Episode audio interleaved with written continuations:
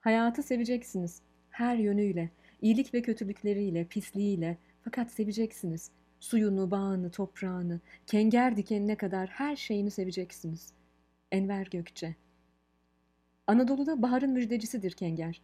Bir tacı andıran mor çiçekleri Mayıs'ta coşar. Çiçeklidir çiçekli olmasına da tacı hak etmiş her yaratılış gibi o da dikensiz değildir. Yılın bu mevsimi kenger toplamak için dağ eteklerine çıkan köylüler gün boyunca büyük emek harcarlar. Demir çubuklarla toprağa eşer, üst kısmı dikenli olan kengeri bıçakla dikenlerinden arındırırlar.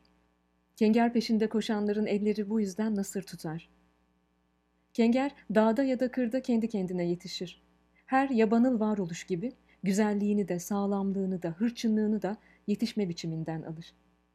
Ankara'da geçen çocukluk yıllarımda şehrin göbeğinde kenger topladığımızı, ilk büyümeye başladığı yeşil zamanlarında dikenlerini soyup afiyetle yediğimizi dün gibi hatırlarım. Hala Ankara'nın orta yerinde kenger toplayan çocuklar var mıdır bilmiyorum ama kentsel dönüşüm sayesinde o çocukların en fazla YouTube'da kenger videosu izleyebileceğini sanıyorum. Haziran ayından sonra sararmaya başlar kenger. Artık yenmez hale gelir ama sürprizleri bitmez.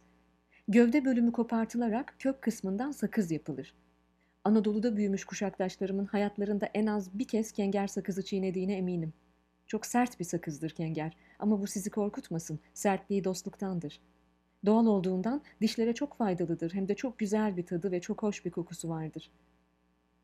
Derken kengerin çiçekleri olgunlaşır ve tohumlar oluşur.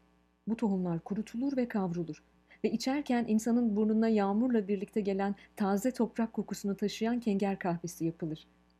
Eski zamanlarda kıtlık olduğu vakit halkın kahve ihtiyacını kenger kahvesi içerek giderdiğine rivayet edilir.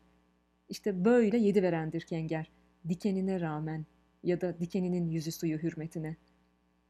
Yabani bir ottur kenger. Ama dikenine katlanmayı bilirseniz hem tadıyla hem rayihasıyla size yoldaş olur. Kenger gibi kentler vardır.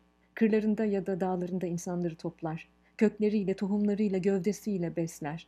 Bütünüyle seversiniz. Dikeni var diye bırakıp gitseniz de ne tadını ne kokusunu belleğinizden silebilirsiniz. Ellerinizde nasırlar bırakmıştır o kentler.